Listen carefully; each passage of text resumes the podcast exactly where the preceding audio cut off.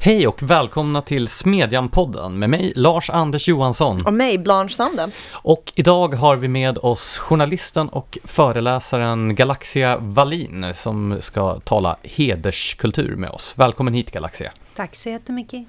Eh, du är ju mest känd i det här kretsarna kanske för din bok Fånge i hederns famn och du startade eh, metoo-uppropet Under ytan för hedersförtryckta kvinnor och flickor. Men jag tänkte att vi går igenom dig lite kronologiskt först.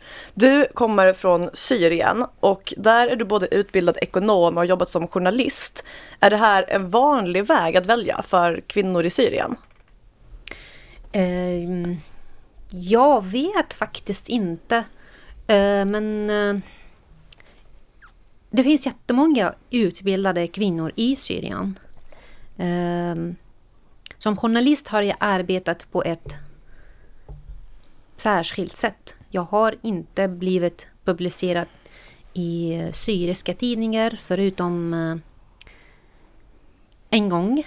Det var min första och sista publicering. Eh, så jag brukade faktiskt publiceras i, under pseudonym i andra forum än de som är i Syrien. Under vilken period var det här? Det var under Assad-eran? Ja.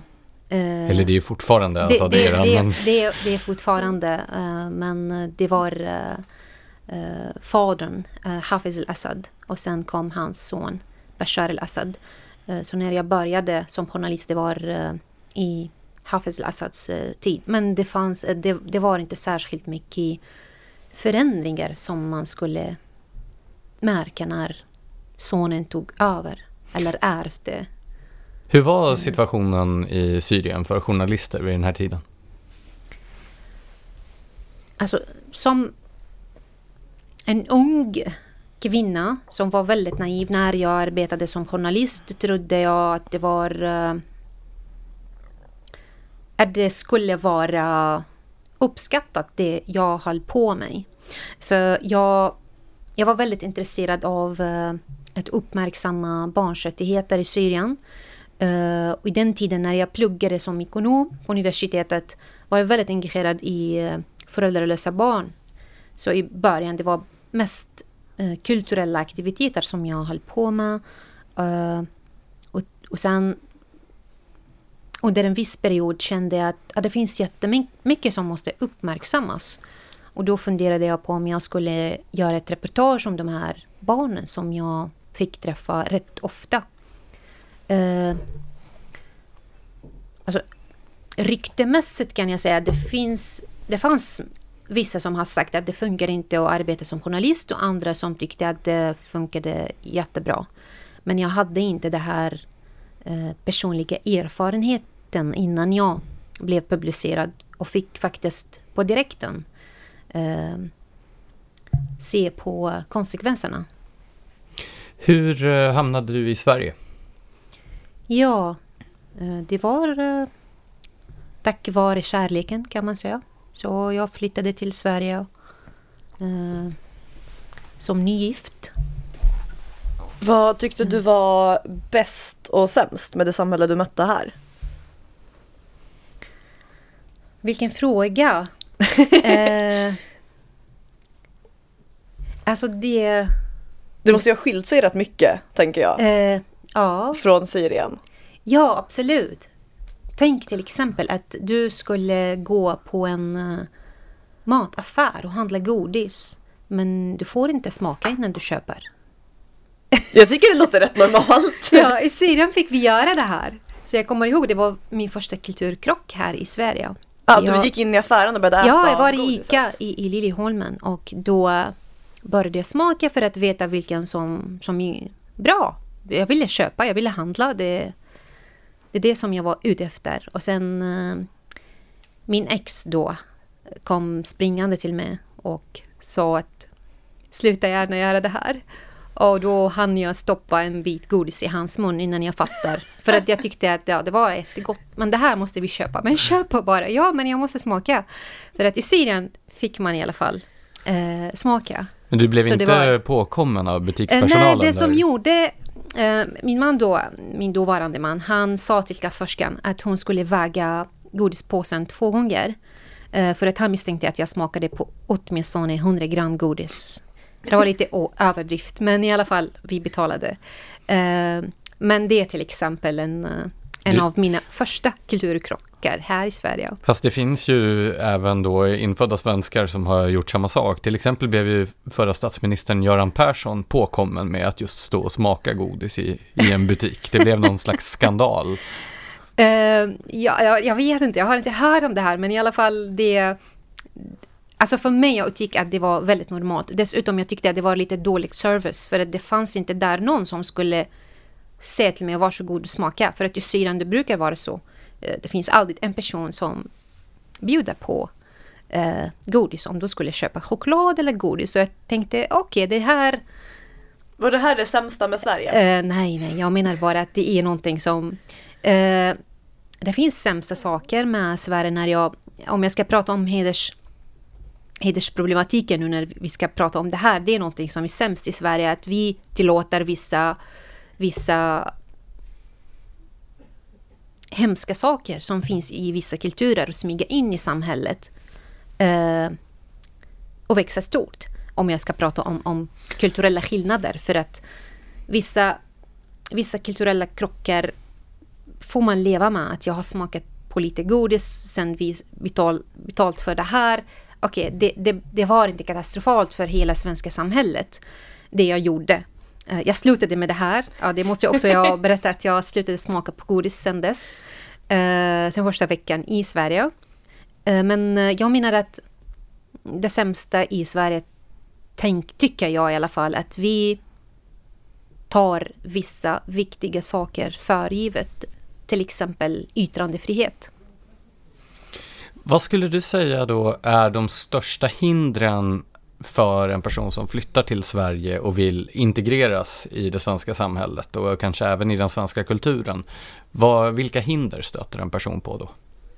Alltså när vi pratar om integration, det är ömsesidigt. Det finns personligt ansvar på varje person som flyttar in i det svenska samhället. Eh, och det ska finnas gärna förutsättningar som skulle hjälpa de här personerna som flyttar in att integreras eh, i Sverige. Eh, alltså, det största hindret ser jag för dem som, som är redan lite vilse och inte vet hur skulle de göra. Eh, det blir ännu svårare att det finns inte förutsättningar. Jag brukar prata till exempel om eh, med socialbidrag som inte är kopplat till prestation till exempel. Eh, jag förstår att svenska samhället vill hjälpa till de som kommer in som är nyanlända men ibland även nyanländ, om vi ska definiera vem är nyanländ, ibland jag som har bott här nu i ja, åtta år, eh, kallas för nyanländ. Så det tar nästan alltid aldrig slut. Eh, så om du ger för mycket bidrag och den inte kopplas till prestation, det kan vara att du skadar de här personerna. Att de känner att men, vi behöver inte göra någonting eh, för vi har det som vi behöver och allt betalt. Så du, du satsar inte på deras förmågor. Och du ser inte dem som kapabla att de eh, vara ansvariga för sitt eget liv. Så det här eh, svenska mentaliteten att vi ska vara för snälla tycker jag att den kan vara eh, skadligt. Det ska vara att du ska ge och ta. Du ska kräva också. Och det är inget illa menat om du kräver av de här personerna att men du ska faktiskt snart stå på, på dina egna ben om du, du utgår från det här. Det är inget illa menat tycker jag. Men eh, då, det finns ju stora grupper som lever, ja som aldrig kommer in på arbetsmarknaden och som tycks, tycker att det är ja, ganska okej att leva på andras arbete genom då försörjningsstöd och så. Är det en kulturell skillnad mellan Sverige och vissa andra kulturer? Att man helt enkelt inte känner att man behöver dra sitt strå till, till stacken? Eller vad är det som gör, skapar den här passiviteten som gör att man finner sig i att leva på bidrag? Om du ska titta till exempel eh, lite undersöka Syrien som kultur. Där ser du att alla arbetar, även de som inte har eh, utbildning. Så de arbetar, men de kommer hit och vi utgår från att amen, du har ingen eh, eh, akademisk bakgrund och du kommer säkert att hamna i utanförskap. Så vi tänker på det här. Amen, du behöver mer bidrag. Men i Syrien det är inte så att till exempel att folk eh, sitter arbetslösa. För att det finns ingen som försörjer dem i så fall. Så man vet oavsett om jag är utbildad eller inte, jag måste arbeta, särskilt män. Det är en annan grej, vi kanske pratar lite om det här när det gäller kvinnor eh, och kvinnors arbete. Men eh, de flesta män, eh, det, det är väldigt viktigt att de arbetar och försörjer sig själva. Så det blir lite... Det blir också en krock. De kommer hit och det förväntas inte av dem att de skulle arbeta för att de saknar utbildning och det tar längre tid att de lär sig svenska språket. Eh, det här är ju ändå då Eh, en fråga om omgivningens förväntningar och så vidare. Men jag tänker på den inre drivkraften. Vi talar ju om att det finns en luthersk arbetsmoral i, i Sverige. Att man då, eh, ja, man ska slita i sitt anletes svett och så vidare. Är, är det en, en kulturell skillnad? För det handlar ju om i, i drivkraften inifrån snarare än, än förväntningarna utifrån. Eh, men det, det jag menade är att de kommer hit och de har den här inre kraften att jag måste arbeta och de är vana till och med att arbeta. Mm. Men när de kommer hit, det finns inte förutsättningar för just de som, är, som saknar utbildning. Eh, eller de behöver mer tid på sig att lära sig svenska språket. Eh, och till sist, man hamnar i en ond cirkel. Du får bidrag, det finns inte arbete för dig. Du känner att du lever i utanförskap för att du vänder dig till de som pratar samma språk, du lever där de lever. Ehm, så vissa till exempel arbetar, men de arbetar svart. Så det också utvecklar sig jätteskadlig eh, skadlig kultur. Att vi får bidrag och vi arbetar svart, så vi får ännu mer. Och de känner inte tillhörighet till det svenska samhället. Och det är också någonting som vi misslyckades eh, uppmuntra hos de här personerna. Om du får allt serverat, allt gratis. Om jag säger till dig, du får jobba här och du behöver inte göra någonting. Du kommer inte att känna att det här eh, stället du jobbar i är viktigt för dig. För att vem som helst kan komma in och arbeta här och det krävs ingenting. Så du känner inte dig särskilt viktig person eller din bidrag eh, spelar någon roll. Vad var det som fick dig att börja liksom lägga märke till och intressera dig för hederskultur och hedersförtryck i Sverige? Alltså i Sverige har jag, har jag lagt märke till att det finns hederskultur via att det, det, det var min dåvarande man, han sa till mig en gång, men du skulle du inte kunna översätta en dikt jag skrev eh, till, sven till svenska? Eh, och han tyckte att amen, det skulle vara kanonbra för de här kvinnorna som lever här i, i hederskultur. Och då var jag lite faktiskt chockad. Vad då hederskultur här i Sverige? Och då berättade han för mig och sen jag började engagera mig i eh, några organisationer som arbetar mot hederskultur här i Sverige. Eh, men inte mer än så i början. Eh, utan att jag jag visade mitt stöd till organisationer som gjorde någonting för de här kvinnorna. Och sen började jag skriva om ämnet när jag kunde eh, svenska. Eh, och sen blev det ännu mer under metoo. Blev du överraskad att hitta hedersförtryck i Sverige? Hade du väntat dig att det skulle vara helt frånvarande här eller tänkte du dig att det förmodligen fanns här? Jag kan inte säga att jag kan inte hävda att när jag flyttade just hit har jag reflekterat över det här på det sättet. Jag har inte tänkt att ah, men nu ska jag flytta till ett land där säkert finns inte hederskultur.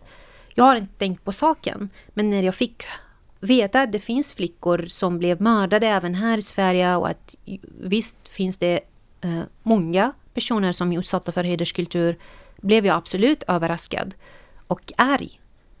För att jag tänkte i alla fall, men om vi, för att hela tiden man hör, men Sverige eh, i mest jämställda, jämställt land i, i världen. Ja, men om det är så i Sverige hur det ser ut i andra länder. Alltså nu vet jag ännu mer om, om, om, om hela EU, hur hederskultur eh, har spridit sig även där. Men man utgår i alla fall att det ska inte existeras, existerar i ett land som Sverige. Jag undrar om hederskulturen är annorlunda när den existerar då i diasporor i länder som Sverige eller när den är en del av majoritetskulturen i länder som till exempel Syrien. Jag läst någonstans att i diaspororna så tenderar det här hedersförtrycket nästan att bli ännu hårdare än vad det är i de länder där det är en del av majoritetskulturen. Ja, så det finns en poäng här, absolut. Och, och det som gör att den upplevs hårdare eh, låt oss säga att det finns en kvinna som lever i hederskultur här i Sverige. Det blir hårdare för henne för att hon, om hon tittar runt omkring sig, hon ser att de, de flesta kvinnorna lever fria.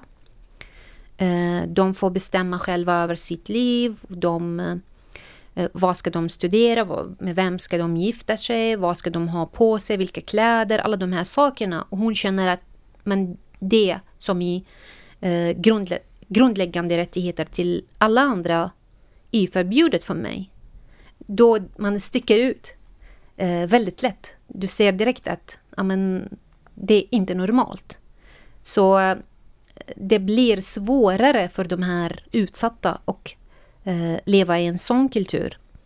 Eh, men som du sa, om vi ska prata om, om hederskultur i sin egen natur, då de flesta lever på det sättet, så det inget särskilt uh, märkvärdigt att du tänker att oh, men, det är bara jag faktiskt som lever på det sättet. Så ibland man reflekterar inte över vad är det här för något och man känner att oh, men, de flesta lever på det sättet. Så var det inte Marx som sa att fattigdom är lättare att uthärda om grannen är lika fattig? uh, ja, typ. Ja, om vi ska dra den här jämförelsen. Det blir så, absolut. Men om du lever, du är den enda fattig, fattig personen bland de rika, då blir det hårdare för dig. Jag tror att det var socialdemokraten Ernst Wigfors som sa fattigdomen fördrages med jämnmod om den delas av alla. Potato, potato. Men, eh, Men vet du, ska vi inte komma in på, eller gå igenom det här uppropet du startade? Innan vi kommer in mer på hederskulturen och dess uttryck och sånt. För att när, eh, när metoo-rörelsen kickade igång hösten 2017, då startade du det här hashtag under ytan-upproret. Vad, vad var det som fick dig att göra det? Alltså jag märkte att det saknades helt vittnesmål från hedersutsatta när metoo startades. Och det verkade att den var mer fokuserad på eh, olika branscher. Och då var jag intresserad av att veta men hur kvinnorna som lever i hederskultur upplever metoo och varför de skriver inte på det här uppropet som, som berör oss alla som kvinnor och inte som arbetande kvinnor. Eh, så saknaden av deras vittnesmål gjorde att jag ville veta varför. Så då jag började eh, kontakta kvinnor som jag vet att de lever i hederskontext eh, och började prata med dem om just metoo, vad de tyckte om uppropet, om de kände att det är någonting som gäller för dem eller inte. Vad tyckte de om uppropet då? De tyckte Samtliga tyckte att ah, men det är no inget för oss faktiskt. Grattis för svenska kvinnor om de kan göra skriva på provet eller träda fram. Men det är inget för oss. Eh, och jag ville förstå ännu mer varför. Och då började jag intervjua de här kvinnorna. För att inte utgå från mina egna erfarenheter eller eh, uppfattningar. Hur ser du själv på det stora metoo-uppropet? Var det viktigt eller fanns det ett element av hyckleri för att det bara rörde vissa branscher och, och vissa grupper? Metoo som upprop som syftar på att uppmärksamma eh, sexuella övergrepp och trakasserier är jätteviktig. Eh, men jag tänker så här. Medias hantering för metoo var rätt dåligt generellt. Eh, för att fokuset var bara på de som är kända och vissa branscher fick glänsa. Eh, så det media formade om hela rörelsen. Så istället att man pratar om eh, problematiken som handlar inte bara om en bransch eller en kvinna, en kändis eller två personer som vi fick höra jättemycket om vem som våldtar, våldtar vem, om det, var, om det hände eller inte. Det handlar om eh, hälften av eh, kvinnorna som bor här i Sverige. Nästan alla, jag kan inte säga alla, nästan alla har blivit åtminstone sexuellt trakasserade. Så vi pratar om samhällsproblem. Metoo pratar om samhällsproblem men media fokuserade på något helt annat och det tyckte jag det var uh, olyckligt. Olyckligt gjort. Men metoo i sig är jätteviktigt. Var och är. Så jag hoppas att man lyckas eh, få den igen på rätt spår. Alltså något som skilde ditt upprop från övriga metoo-upprop var ju att vad jag vet exakt alla väl var anonyma som skrev under det här och delade med sig av sina berättelser. Jag vill minnas att det var 182 kvinnor. Det stämmer. Och sen bestämde du dig för att göra det här bokprojektet, djupintervjua ett antal av dem och till slut var det sju personer som vågade gå ut med sin så anonymiserade berättelse. Hade du hoppats eller väntat dig att det skulle vara fler som vågade göra det till slut? Eh, ja, jag hoppades att det skulle vara eh, fler faktiskt. Eh, men redan från början eh, tänkte jag inte att ta med mig eh, alla berättelser. Eh, utan jag ville fokusera, jag ville djupintervjua. Och jag ville fokusera på eh, färre antal kvinnor och inte ta bara korta, eh, korta samtal eh, som, som skulle riskera att man inte, inte får chansen att gå in på djupet och undersöka. Eh, men i alla fall, jag har djupintervjuat 19 kvinnor. Eh, vissa har jag följt lite mer än de andra och vissa har jag typ avslutat våra, våra samtal när jag fick veta att de kan inte ställa upp eh, för boken. Men det fanns några som varit med under hela resan. Och till sist när vi, vi hade allt klart. Jag har intervjuat dem hur många gånger som helst. Jag kanske har träffat dem mer än att jag har träffat mina egna barn eh, under drygt ett år. Jag har skrivit ner allt och de har eh, läst och godkänt. Och till sist de tyckte att, amen, ja, sorry, vi, vi klarar inte av att vara med. Fast de är anonyma. Av rädsla för vad som skulle hända eller av någon sorts känsla från hederskulturen av att jag smutskastar eller baktalar eller så personer nära mig? Vad var orsaken? Alltså det är jättekomplext att säga en enda sak. För att känslorna är också väldigt komplexa för de här kvinnorna. Alltså det kan vara att en kvinna har sagt till mig jag är bara rädd. Men det kan vara att hon känner mer än så. Eh, men ofta man känner att jag, jag sviker min familj om jag berättar. Så Vissa kvinnor har sagt att jag, fast jag, jag försökte ta bort jättemycket händelser som skulle riskera avslöja de här kvinnorna. Eh, men ändå vissa har sagt, men tänk om någon eh, känner igen mig ändå. Så det är rädslan. Men det fanns andra som har sagt själva, jag vet att ingen kommer känna igen mig. Men jag vet inte varför jag inte vill vara med. Jag, jag klarar inte av det här att någon läser och dömer mig. Eller jag, jag klarar inte av att jag finnas i en bok med min berättelse och känner i alla fall att jag har varit familjens svikare på det sättet. Men som jag sa, det, det är mer komplicerat. Det är någonting som jag själv ibland kan, kan uppleva när man pratar om någonting om sin bakgrund, sin familj. Efter en liten stund man tänker var det schysst att jag sa så här?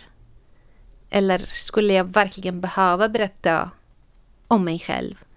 Så det är, det är slitsam och väldigt komplex.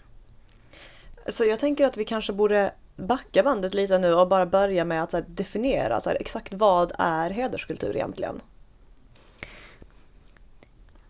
Vi ska ta det på det allra mesta ja, lätt, lättaste sätt så att alla kan förstå. Eh, alltså det är en kultur där kollektivet bestämmer över kvinnorna eh, och kontrollerar eh, framför allt deras sexualitet. Eh, så den, den går ut på att kvinnan ska vara oskuld, hon ska inte ha sex för äktenskap. Eh, eller eh, hon ska inte vara homosexuell heller. Så den är väldigt besatt av sexualitet. Och det är kollektivet som bestämmer. Du kan se att den ser eh, olika ut från en familj till en annan familj. Ibland man, man tänker okej, okay, alla hedersförtryckta eh, har heltäckande kläder till exempel. Och det är fel. För att det kan finnas familjer som tycker det är helt okej okay att du väljer dina kläder. Men eh, det finns andra familjer som tycker det är okej okay att du utbildar dig. Det finns andra som tycker nej, det, det ska du inte göra. Det finns vissa som tycker det är okej okay att du arbetar och andra tycker att nej, men där gränsen går. Men alla tycker inte att det är okej okay att du har sex om du inte är gift. Och du ska ha sex bara med din, med din make. Och idén här är alltså att man bedömer alla personer, inte bara baserat på vad de själva har gjort och står för och så vidare, utan även på grund, alltså man dömer folk utifrån deras familj och därför upplever folk att de måste tvinga sin familj att bete sig på ett visst sätt. Ja, och det är också lite, alltså många frågar mig varför eh, hederskultur eh, heter så överhuvudtaget. Den har ingenting med heder att göra. Och det håller jag med om vi ska kolla vad ordet heder betyder på svenska. När, vi, när jag säger att du är, du är hedrig person. Jag tänker inte på sexuali din sexualitet. Du tänker inte på det här. Du tänker inte på det här heller. Du tänker ja, men han är hedrig, han gör rätt för sig. Du är ärlig, du, du lurar inte folk. Det är det som vi tänker. Du jobbar, du betalar skatt. Ja, i och för sig betalar skatt ingen, inget man tänker på i hederskontext. Eh, för att man ska uppfattas som hederlig eller inte. Men heder i, heder, i hederskultur går ut på att kvinnan ska bevaras oskuld eh, och ren och ska inte ha sexuella handlingar. För att hon är familjens heder. Så om, om ni är syskon och, du, och det går ut ett rykte att du, du är gift men ändå du har sexuella handlingar eller du, ja, du är bara sambo, ni är inte gifta du påverkar Anders. Fast han har inte gjort någonting rätt eller fel. Det, din, det skulle vara din privatsak med vem du ligger. Men i hederskultur, nej. Du, det är inte individuellt baserat. Om du gör någonting så du påverkar hela tjocka släkten. För det här är ju precis som påpekas, ett helt annat hedersbegrepp än det som vi är vana med i Nordeuropa. En far som då mördar sin dotter för att hon har då varit sexuellt aktiv, det är ju raka motsatsen till vad som uppfattas som hedersamt från då en skandinavisk horisont. Så jag undrar, är begreppet heder egentligen verkligen träffande för att beskriva det här, det här kontrollbehovet som det handlar om. Och om vi tar det exemplet då, en far som mördar sin egen dotter för att hon har överskridit de här gränserna. Vad är det som, som motiverar honom att begå en sån handling? Det är jätteviktigt också att säga att de flesta väljer inte det värsta valet att mörda sina barn. Eh, om man ska titta hur många lever i hederskultur, hur många blir mördade så de flesta blir inte mördade. Eh, man, man är inte så förtjust att döda sina barn. Men när man gör det här, det är ofta ryktet har spridit sig. Så de som lever i hederskontext, eh, beroende av anseende och ryktet eh, bland kollektivet. Så det är därför vi ser ibland att en flicka blir bortgift fast ingen har pratat att hon skulle giftas bort. Men det kan vara att familjen har märkt att hon har en pojkvän, hon började beter sig på ett sätt som inte passar eh, rätt bra med normen. Då de hittar en lösning att ja, men, låt oss gifta bort henne för att säkerställa att ryktet inte sprider sig nu, nu hon gift. Eller hon kanske skickas på en uppfostranresa till eh, föräldrarnas hemland, eh, blir kontrollerad på ett helt annat sätt. Men när ryktet sprider sig och kollektivet börjar baktala den här familjen och eh, eh, frysa ut dem, då känner eh, den här familjen eh, sig pressad. Och då sitter de och ofta planerar, för det här är ett mord som man planerar eh, för att göra och inte någonting som ofta händer för att man har blivit jättearg utan att tänka på saken. Men alltså, jag tycker det är fortfarande väldigt svårt att förstå det här kollektivet då som du beskriver, en klan eller en stor familj eller liknande, de tycker ändå att en person som har mördat sin egen dotter är en mer då acceptabel person än en som inte har förmått kontrollera sin egen dotter. De hyllar den här personen som till och med som, som, eh, som mördar sin dotter. För att då anses han att han, han står för kollektivets heder och han lyckades eh, återupprätta familjens heder. Så hon gjorde någonting som, eh, som är skamligt och pappan eller mannen eller eh, eh, brorsan lyckades återuppta familjens heder. Så den här personen anses inte som mördare utan som eh, en modig person som brydde sig om familjens rykte. Alltså vad jag slås av när jag, när jag läste din bok, vad jag slogs av då var att alltså egentligen handlar det ju inte om heder, alltså ens, det handlar inte ens om vad det menar är att vara liksom hedersam eller heder, hederlig eller vad man ska säga. För att det är ju massor av personer som begår förskräckliga brott mot andra av den sorten som folk i hederskulturer säkert skulle fördöma. Så här, nej, det är klart man inte ska våldta personer, alltså den sortens saker. Men det spelar ju ingen roll för dem. Det enda som spelar någon roll är ju fasaden och ryktet. Så det går ju inte ens djupare än så. Det är därför jag tycker att heder egentligen är så konstigt att tala om. För att även om olika människor lägger olika betydelser i ordet heder så handlar ju det här bara om rykte och yta. Mm. Egentligen. Och det är otroligt att det lyckas få en så djup betydelse för människor när det egentligen är så himla ytligt. Men jag tänkte på en annan sak du har sagt ett par gånger att det här drabbar kvinnor väldigt mycket. Det finns ju det som talar om att hedersförtryck också drabbar män väldigt hårt för att det tvingas på ett ansvar för andra människor och deras ja, men, liv och sexualitet och val och olika saker som det kanske inte alls vill ha och känner sig tvungna att upprätthålla andras heder som de inte skulle vilja upprätthålla. Det, alltså, är det ett lika stort problem? Är det, är det mycket värre för kvinnor eller drabbar det här alla som är med i en hederskultur ungefär lika mycket? Det är värst för kvinnorna, för att det är de som anses bära på familjens heder. Så eh, de ligger längst ner i hierarkin. Men visst, män också blir drabbade. Och de blir drabbade på två sätt. Det kan vara också att de inte får till exempel bestämma över vem de skulle gifta sig med. Det kan vara att de... Det, det är ett sätt. Eh, så det handlar inte bara om att de ska inte ha sexuella handlingar. Eh, och det andra sättet att man uppfostrar dem till eh, personer som måste kontrollera eh, kvinnorna eh, i familjen och släkten. Och vad är det här för, för, för för roll som, som stackars eh, killar och män tilldelas.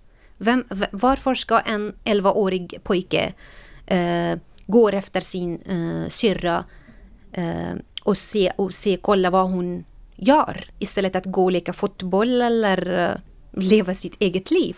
Varför ska han tvingas eh, att bära på den här rollen? Och om han inte kontrollerar henne betraktas han också som en svikare eh, som inte har någon heder i kroppen. Och han behandlas också på ett eh,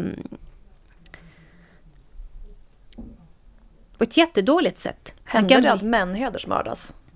Eh, inte från sina egna familjer i alla fall. Eh, så en, en pappa ibland kan bli pressad att mörda sin egen dotter om hon hade sexuella handlingar. Men han dödar inte sin egen son om ryktet sprider sig att sin son hade sexuella handlingar. Men det kan vara att eh, flickan, flickans familj vill, eh, vill eh, hämnas och då kan det vara att de dödar eh, pojken för, för det här. Men det är inte vanligt. Det är flickorna som, som eh, mördas. Återigen, för att det är de som bär på familjens heder och inte männen försvarar och kontrollerar heden och kvinnorna bär på heden.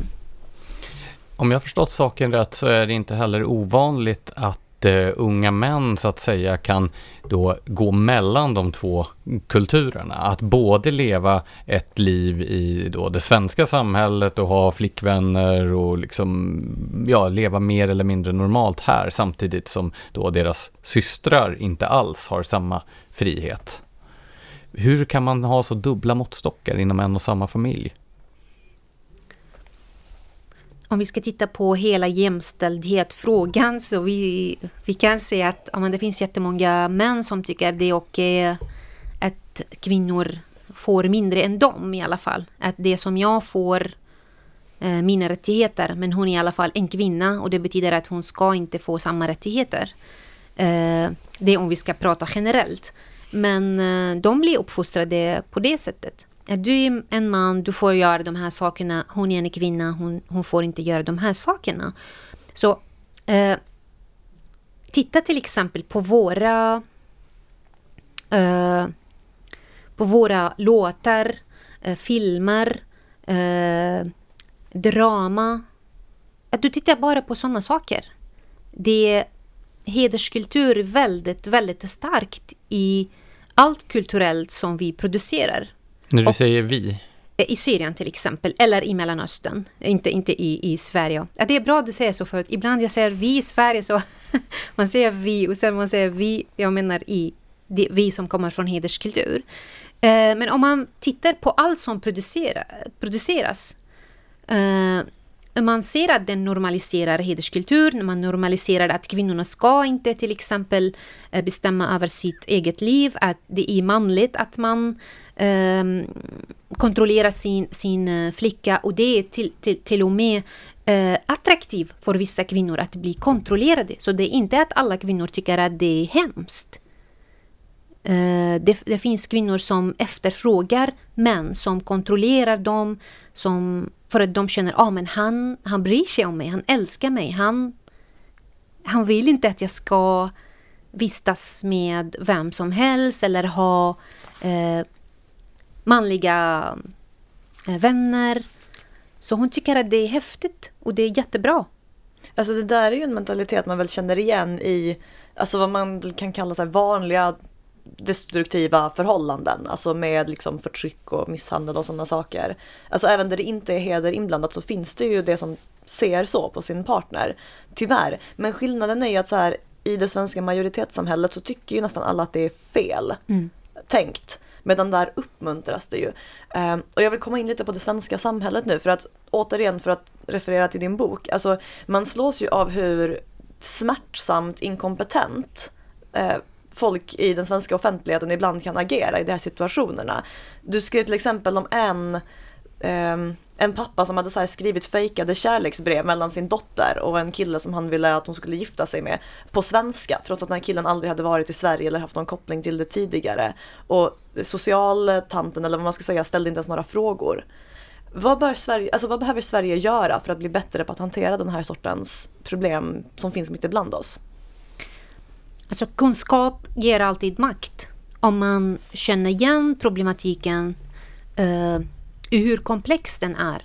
Eh, nu till exempel märker jag att även de som tror sig kan mycket om hederskultur eh, har stängt, eh, stängt sig in i en bubbla eh, där de inte är mottagliga till någonting eh, annat än det som de, de har redan, eller de, det de vet. Till exempel när vi pratar om sexuella övergrepp i hederskontext. De ser ja, ja, men jag, jag är eh, medlem i en organisation eller jag har läst en bok om ämnet. Nu pratar vi till exempel om något helt annat, någonting som inte var uppmärksammat tidigare. Eh, och, och då känner jag att inte alla lyssnar in. Så det fattas kunskap. Kunskap nummer ett, det behövs kunskap. Eh, för att jag vet att eh, problemet är väldigt komplext. Det är inte så lätt att förstå alla eh, dimensioner i den här problematiken. Eh, och det behövs mod också. För det finns jättemånga som är försiktiga, rädda att agera. Eh, för att fortfarande tycker många att vi ska inte lägga oss i andras privata liv eller i, särskilt om de har utländsk bakgrund. För att det anses kanske främlingsfientlig och man vill inte vara främlingsfientlig. Men man eh, blandar ihop ibland för att både offer och förövare egentligen eh, inte, ja, de tillhör en annan kultur. Så frågan är i vems sida vill du stå? Så om du inte vill vara främlingsfientlig och då du accepterar som socialarbetare att den här flickan giftas bort för att du vill inte vara främlingsfientlig mot pappan men egentligen du har varit hemsk mot flickan. Så du har varit i alla fall eh, rasistisk för att du har inte behandlat henne eh, likvärdigt som alla andra barn eller inte enligt lagen heller. Och då det är en tanke som man måste fundera över. En fråga som infinner sig, alltså du har beskrivit här personer som inte bara ser mellan fingrarna med då eh, förtryck och till och med mord av kvinnor i hederns namn då, utan även då de som, runt omkring som hyllar detta. Eh, det är lätt då att bli ganska missmodig och tänka, går det överhuvudtaget att hoppas att personer med en sån syn på moral och heder ska integreras in i det svenska samhället? Ja. Om jag inte har det här hoppet, jag skulle inte engagera mig i frågan överhuvudtaget. Men hur får man en person som tycker att det är rimligt och moraliskt att döda sina egna familjemedlemmar för att de eh, har blivit kär i fel person. Hur får man den personen att börja ompröva det här och tycka att det är fel? Alltså vi måste jobba med attitydförändring och det tar tid. Om, om, om jag ser att amen, det kommer uh, att förändras imorgon om vi ska prata om det här, då är jag naiv. Det tar tid. Och det är därför fokuserar jag mest uh, på skolans roll. För att vi har unga som är formbara, vi har barn som uh, uppfostras i sådana familjer, men de är inte där alla hela tiden de är också i skolan, så de skulle kunna lära sig någonting annat. Eh, och då är jag lite besviken på den svenska skolan som också behandlar inte barn eh, på samma sätt, barn med utländsk bakgrund. Jag har en berättelse i, i boken om en kvinna som eh, som hennes lärare stod inte upp för hennes uh, rättigheter och en annan lärare som till och med uh, spionerat på henne och uh, berättat för familjen. Men nu ser vi att det finns skolor som eller skolpersonal som spelar den här rollen som eh, förlängda arm för familjen. Att de kontrollerar till exempel en mamma eller pappa kan ringa och fråga men har min dotter fortfarande slöjan på sig i förskolan eller skolan? Och skolpersonal sa men jag ska gå och kolla och sen de svarar ja hon har på sig fortfarande. Är det då skolpersonal som kommer från samma kulturella bakgrund själv? Nej, det är inte alltid så. Det finns också svenskar, etniska svenskar, som tycker att amen, vi vill visa att vi eh, välkomnar alla kulturer. Och de fattar inte vad det handlar egentligen om. Eller det kan vara en mamma som säger ja men jag vill inte att min, min dotter ska eh, delta i sexualundervisning eller simlektioner. Eh, och då eh, accepterar vissa skolor det här.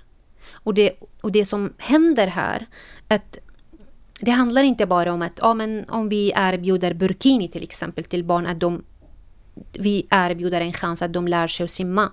Ja visst, de kanske kan delta i, i simundervisning. Men det vi gör här är att vi säger till barnen, vet du vad? Det är inte lagen som bestämmer här. Det är inte skolans regler. Det är, inte, det är bara din mamma och pappa. Det är din kultur, det är deras kultur. Och du måste veta att de regler som finns där ute är inte för dig.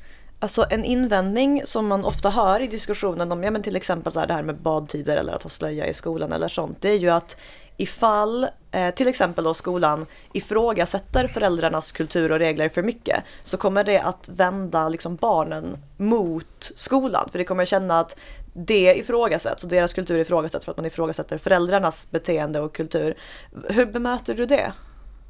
Jag säger inte att skolan ska sitta och syssla med att ifrågasätta föräldrarnas kultur, men de ska inte ha inflytande i skolan. Eh, på det sättet att de ska utforma vilka lektioner min dotter ska delta i och vilka som hon måste avstå. Det, det ska vara lika för alla elever. Det är det som jag efterfrågar. Om de behandlar de här barnen som alla andra, eh, då är problemet löst. Eh, om, de, om de förklarar både för föräldrarna och för barnen.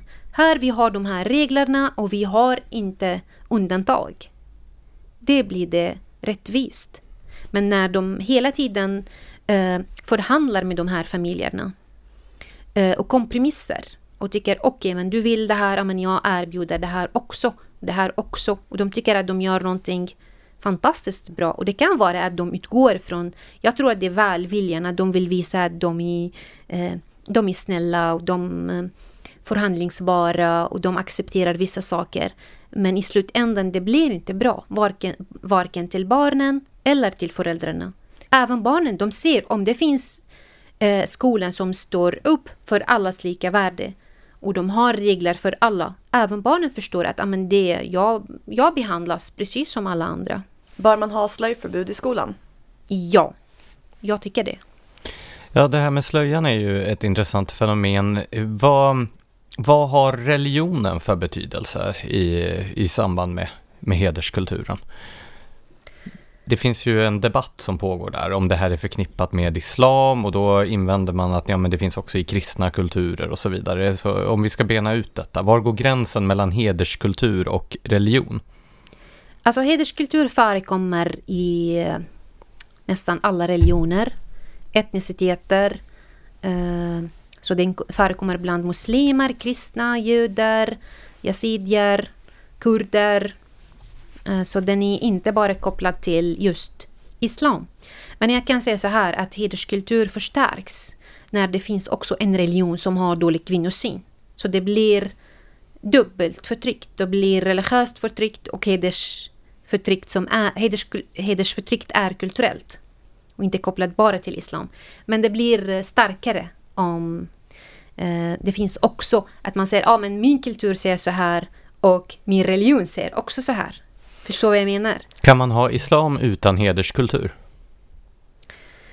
Uh, alltså just islam, nu har vi väldigt variationer av i alla fall muslimer. Alltså islam i sig, om du ska läsa Koranen, eh, du läser eh, både eh, bra budskap och väldigt, väldigt hemska sådana i Koranen, i samma bok. Eh, och dessutom vi har eh, den politiska islamen eh, som syftar till att vi har till exempel sharia-lagen och att, vi, att islam ska ta över hela världen. Och, eh, men det finns muslimer däremot som tycker att amen, vi står inte för det här. Och vi, ja, vi tror bara på, på det goda, fina, fina islamen. Eh, och det finns jättemånga muslimer som har inte läst Koranen. Så de bara hört berättelser att islam är en bra religion. Så de är inte pålästa. Och andra som säger att amen, det är Koranen eller islamen i sig, den är... Eh, det går att tolka den på olika sätt. Och de får köpa det som de tycker är, är okej okay och moraliskt. Och då kan jag säga att det är deras moral egentligen som styr dem och inte Koranen och inte islamen. Men ändå, de säger att vi är muslimer. Eh, så det finns muslimer som inte sysslar kan jag säga med hederskultur.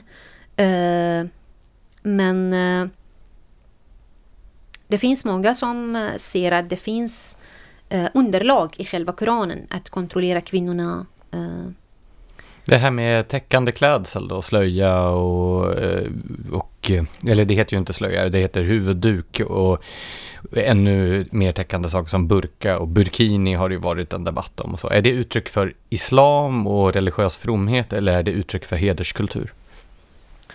Uh, ja, det är intressant med det här med namnet på slöjan. Alltså slöjan, när jag säger slöjan, jag menar hijab uh, i alla fall.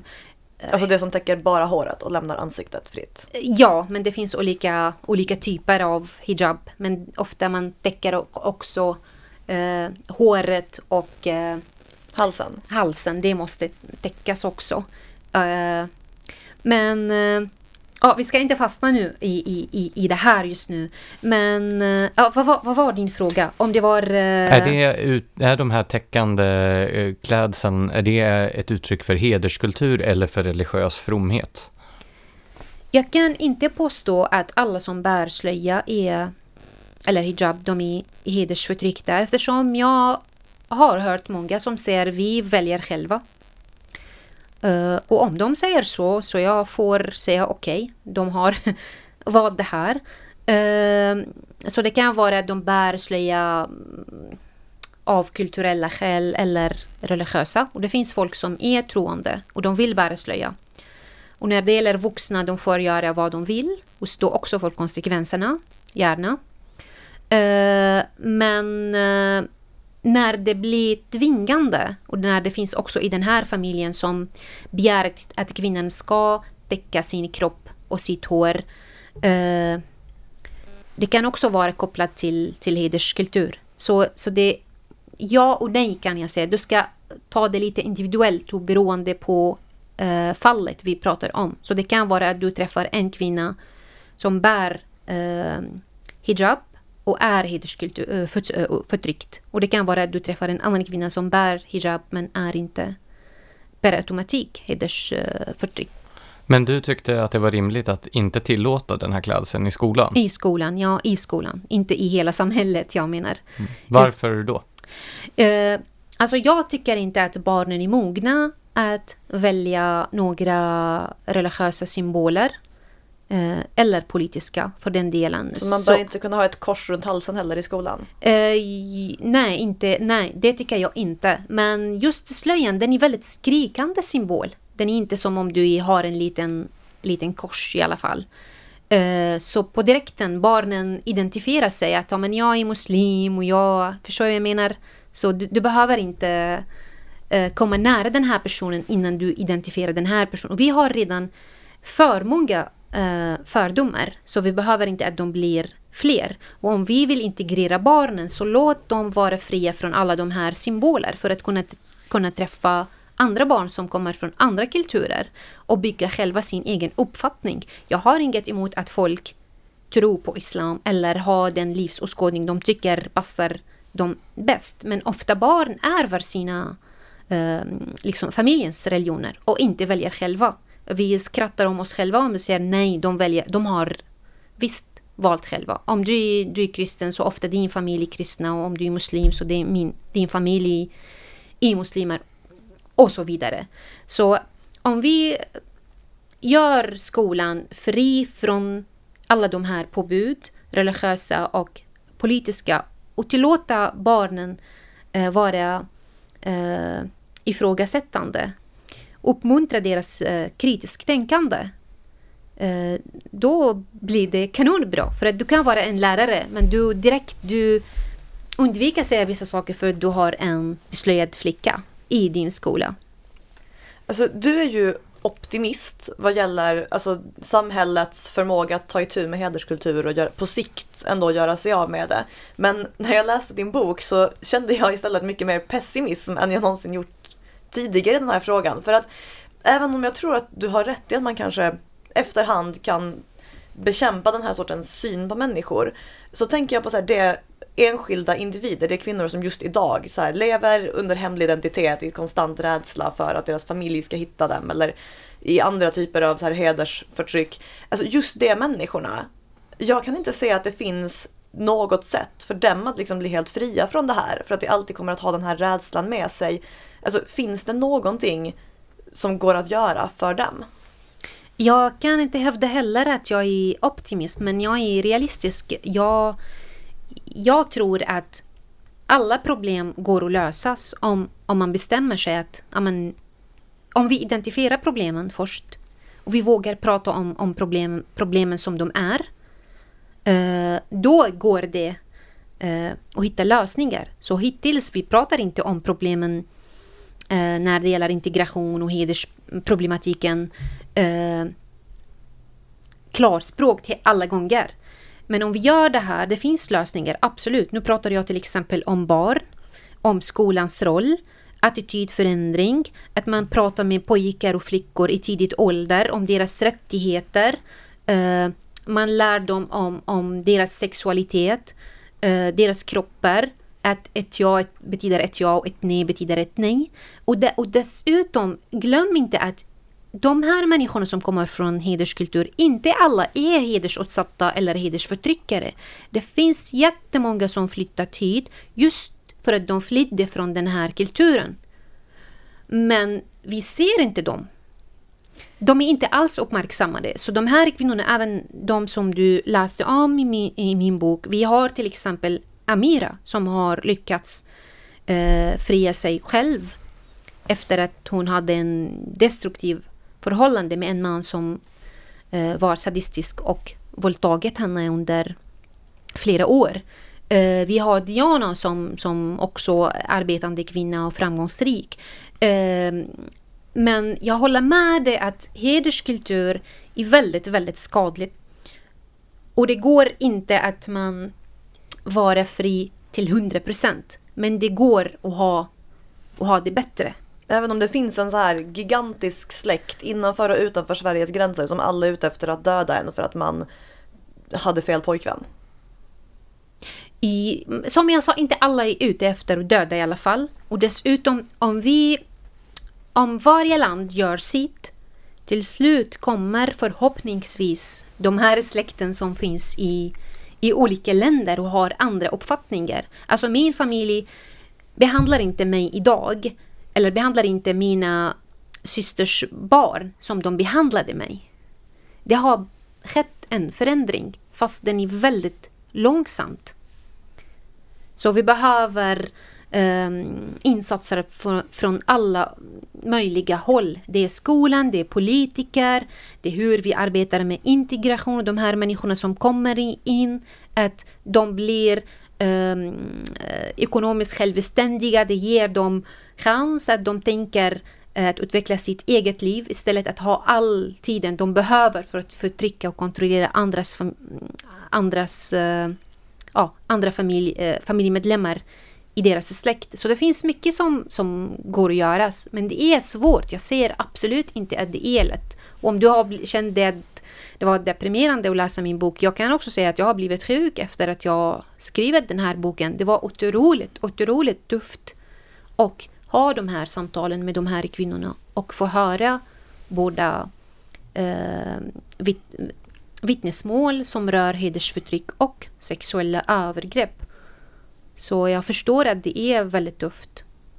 Jag är både glad att du skrev boken ändå, att jag läste den. Det var inte så deprimerande på det sättet. Utan det var ju, alltså det är en väldigt lärorik och intressant bok att läsa och det är väldigt gripande berättelser. Men den lämnar ändå mig med en viss känsla av hopplöshet inför liksom hur stort det här problemet är.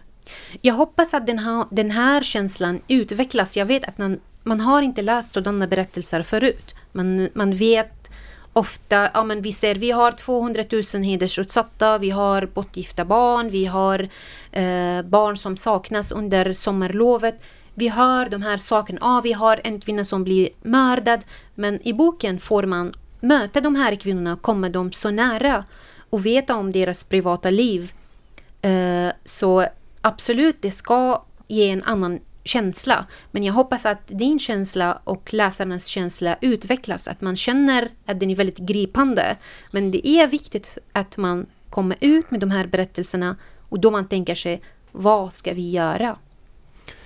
En sak som kan vara väldigt överraskande tycker jag när man läser om hederskulturen är kvinnornas roll, inte bara som offer utan också som upprätthållare av de här strukturerna och rent av pådrivande. Jag tänker när man läser om eh, kvinnlig könsstympning till exempel och jag tycker det är helt obegripligt att läsa om hur hur äldre kvinnor, kvinnliga släktingar och så vidare är då kanske mest pådrivande i detta. Vilken är de kvinnliga familjemedlemmarnas och släktingarnas roll i detta och hur kan det komma sig att de upprätthåller ett system som håller kvinnor nere?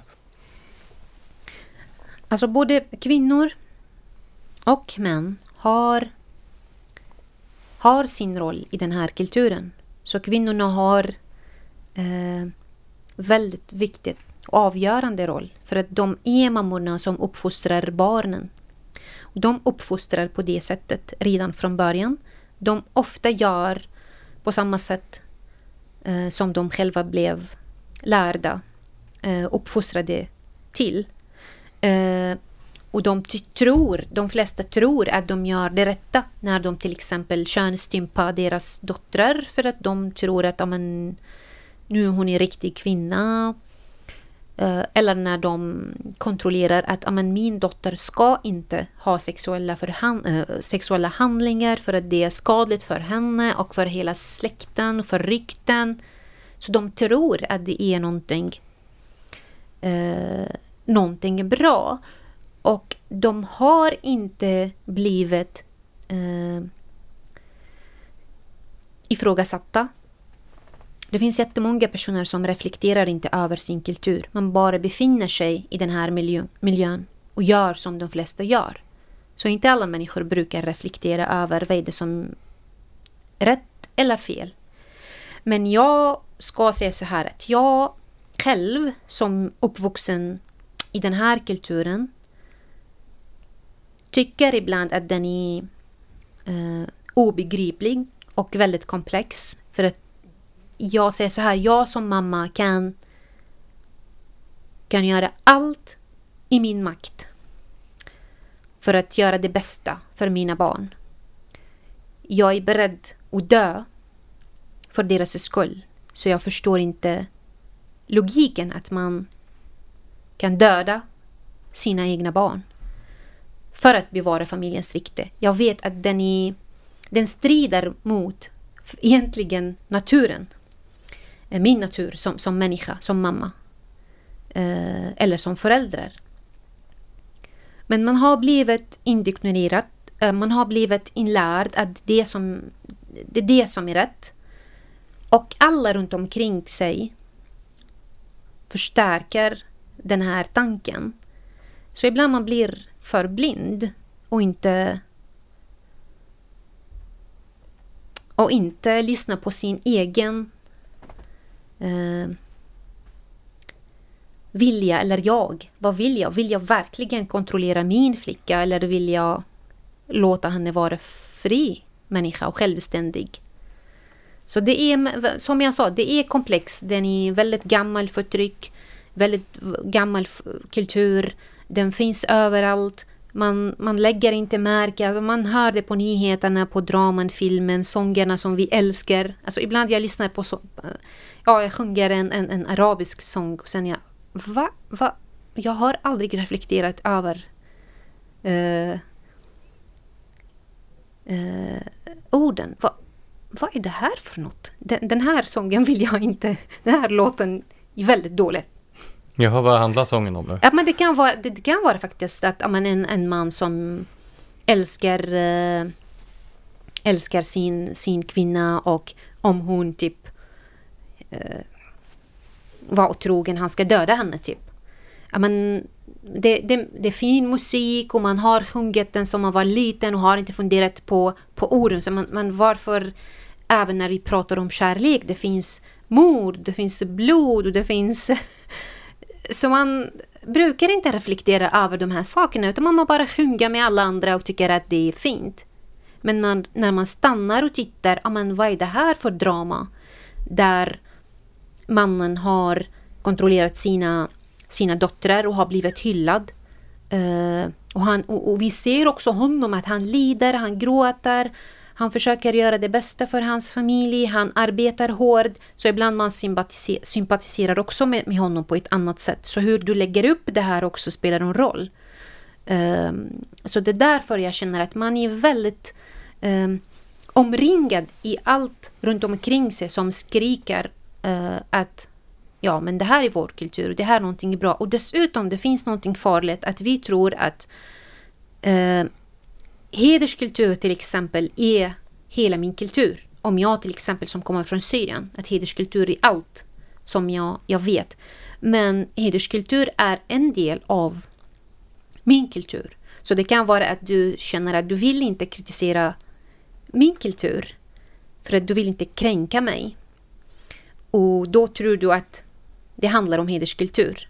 Så du tänker att oh, men okej, det är Galaxias kultur, låt henne bevara sin kultur. Men du kommer att hitta så, säkert bra saker i min kultur som jag vill gärna föra vidare till mina barn, jag vill behålla dem. Eh, men du kan jättegärna kritisera hederskultur för att den, den är farlig kultur, den kränker eh, andras eh, fri och rättigheter. Så det är också en tanke att här i Sverige vi tror att ja, men alla som kommer från de här kulturer kommer att bli jätteledsna om vi eh, pratar illa om deras kultur eller ifrågasätter den. Eller vi säger att ja, men det här accepterar vi inte i Sverige. Om det är någon som har suttit och lyssnat på det här avsnittet och fortfarande tycker att det är alldeles för abstrakt vad, vad hederskultur är för någonting. Eh, finns det något av de här exemplen i din bok, något, någon av kvinnorna som du har intervjuat, som du bara kort skulle kunna sammanfatta det här människoödet för att illustrera hur hedersförtryck kan ta sig uttryck? Jag kan ta snabbt, om vi har tid, jag kan ta snabbt två, två, två exempel. Eh, jag kan prata om en, eh, en kvinna som eh, heter i boken eh, Nora, i, verklighet, i verkligheten hon heter något annat. Eh, hon är svenskfödd och hon, hon är väldigt trygg med den svenska kulturen och fick bete sig som svensk till och med när hon var ett barn.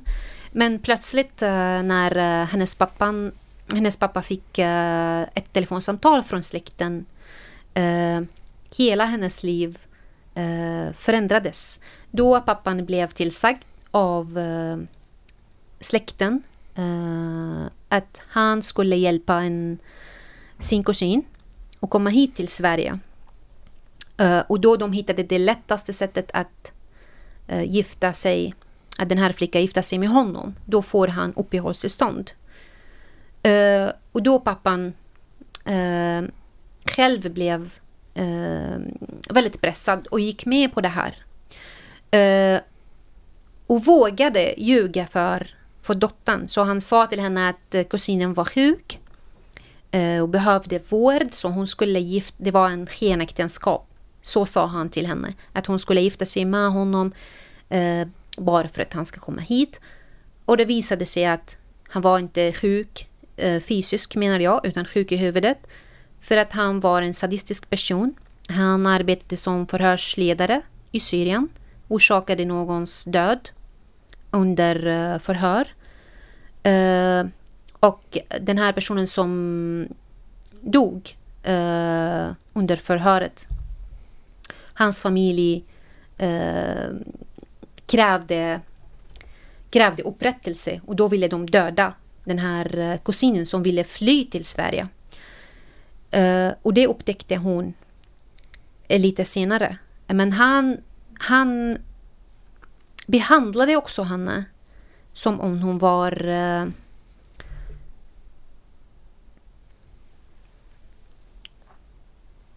Ja, vad ska jag säga? Han, han torterade henne Uh, och det var redan från första natten uh, medan hon var i Syrien. Och när hon till slut vågade berätta för pappan och för mamman, hon berättade för sin mamma först. Så hennes mamma tyckte absolut att det var väldigt hemskt. Men hon sa till henne, så är det bara. Eh, samlag gör ont och du får inte säga att han våldtar dig för att du är hans fru nu. Så det är också att även om mamman tyckte att det var väldigt hemskt men hon hon ville att hon ska inte sprida vidare eh, de här sakerna. Eh, så man ser att pappan blev pressad av andra i släkten eh, och de offrade dottern. Och när dottern berättade att det här någonting som jag inte ställer upp för.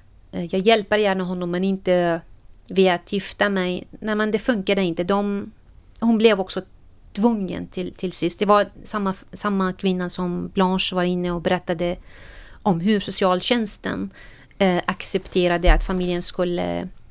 I den tiden det var okej med att ge äktenskapsdispens. Så hon, hon giftes bort när hon var 16. Eh, fast hon är en helt svensk kvinna. Eh, och hade inte den här kopplingen till hederskultur innan.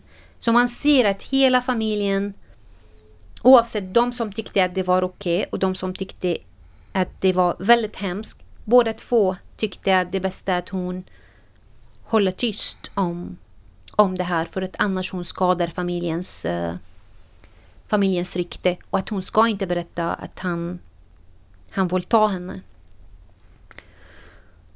Och hur, eh, hur slutade den här historien? Hur kom hon i kontakt med dig till exempel? Ja, alltså hon, eh, hon är inte till, tillsammans eh, med honom. Hon, hon drog eh, efter allt. De har gemensamma barn.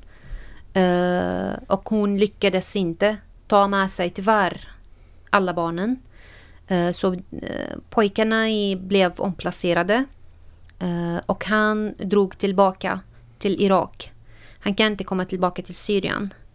Uh, men han, han hade kontakter i Irak och han drog tillbaka dit. Uh, som hon berättade för mig att han, han är väldigt sugen på att mörda och göra uh, hemska saker. En gång han, han köpte kycklingar, små kycklingar till deras gemensamma barn och visade dem hur han drog deras vad säger man, inte fingrar, kittlar. Fjädrar, klor. Ja, tills de dog. Oh, framför barnen. Så han tyckte att det var väldigt eh, intressant. Det var någon slags lek. Eh, så, så en sån person han var. Eh, så hon, när hon hade um, upplevt att han började också kontrollera flickan, då var hon tvungen att söka skydd och uh, drog. Eh, men eh, hon, hon mår absolut jätte, jätteilla fortfarande. Men det är det, du ser hela, hela familjen stod bakom honom fast det var uppenbarligen att det är den sämsta personen. Gör de det fortfarande nu? Vems sida står de på nu när de har skilt sig och han har flyttat? Eh, alltså generellt man står i i mannens sida om, om inte familjen med på att hon skulle skilja sig. Ibland det funkar att, att en kvinna övertalar sin familj att man, jag måste skilja mig. Och det funkar ibland och då ställer de sig bakom hennes beslut. Men i hennes fall, det var inte så.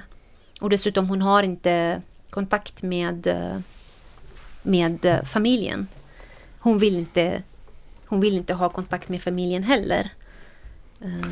Och det andra exemplet som du... Ja, jag ville... kan berätta om, om en ung eh, ensamkommande eh, flicka som i boken heter Jasmin. Hon kommer eh, också från Syrien eh, under kriget.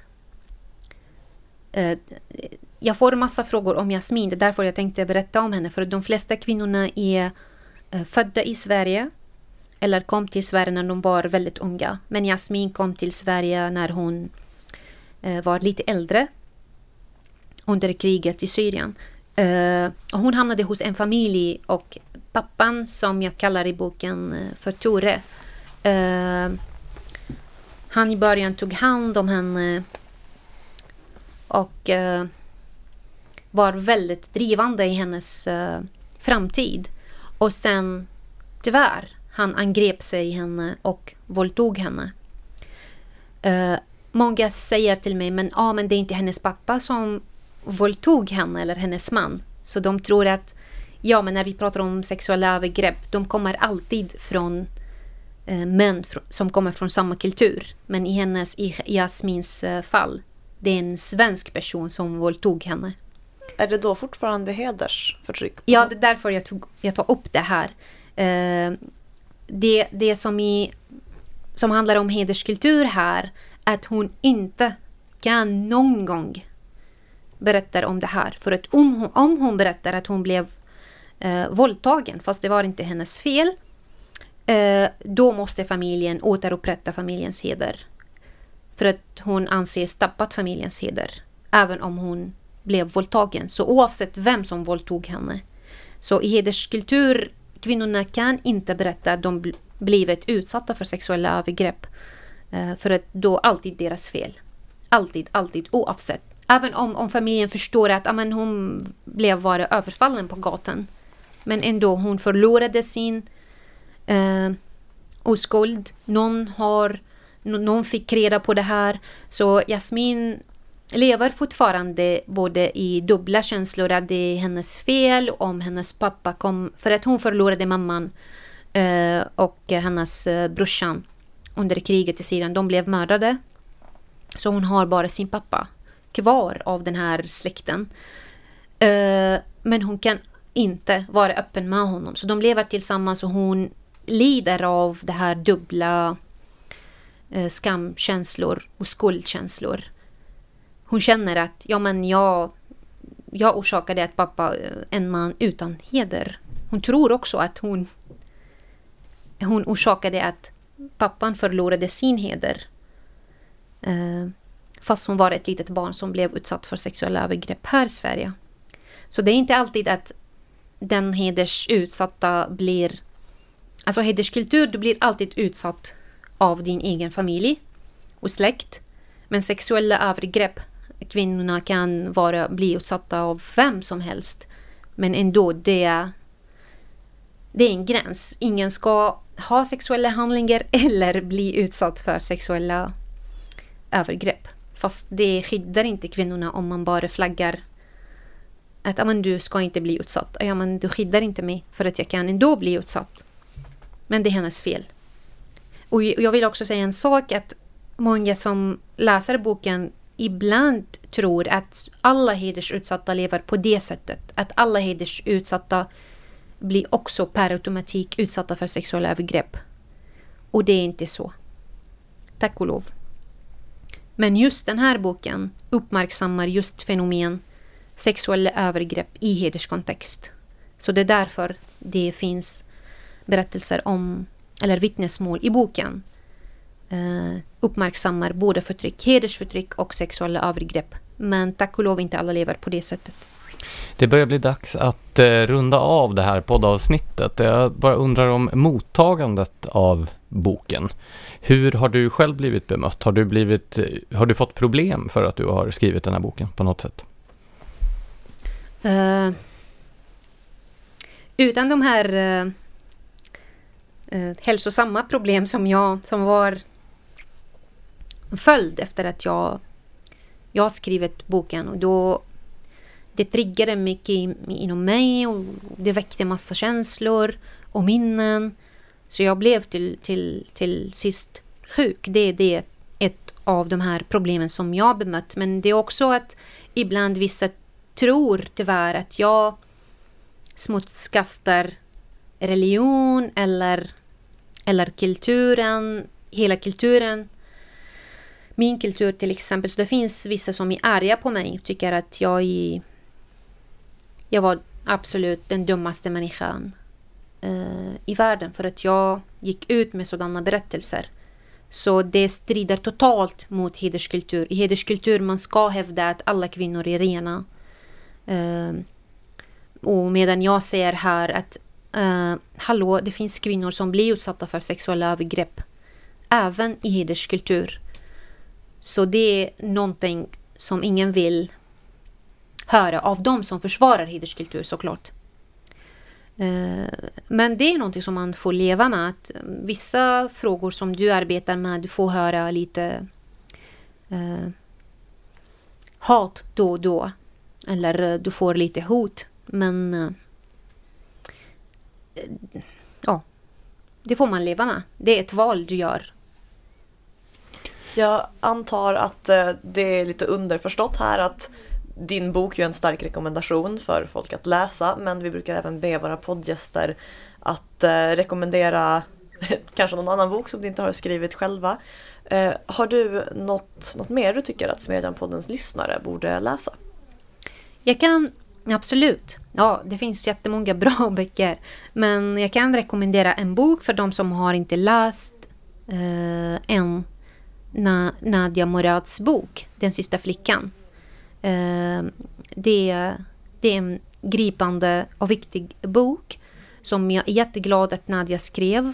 Och jag är jätteglad också att Nadia eh, hamnade inte i Sverige för att då skulle jag vara lite rädd om hon vågade eller fick skriva allt hon skrev i boken. Eh, för att hon skrev om hur... Hon är yazidier, eh, Nadja. Eh, så hon skrev om hur, hur de blev eh, svikna av andra grupper i, i Syrien och Irak. Så, eh, och det finns också eh, sexuella övergrepp för att hon behandlades som eh, sexslav för Islamiska staten under en viss period och hennes familj blev avrättade. Jättestark bok men en jätteviktig bok som jag rekommenderar varmt för de som inte har läst den än. Tack så hemskt mycket för den bokrekommendationen och tack så hemskt mycket för att du kom hit Galaxia Wallin.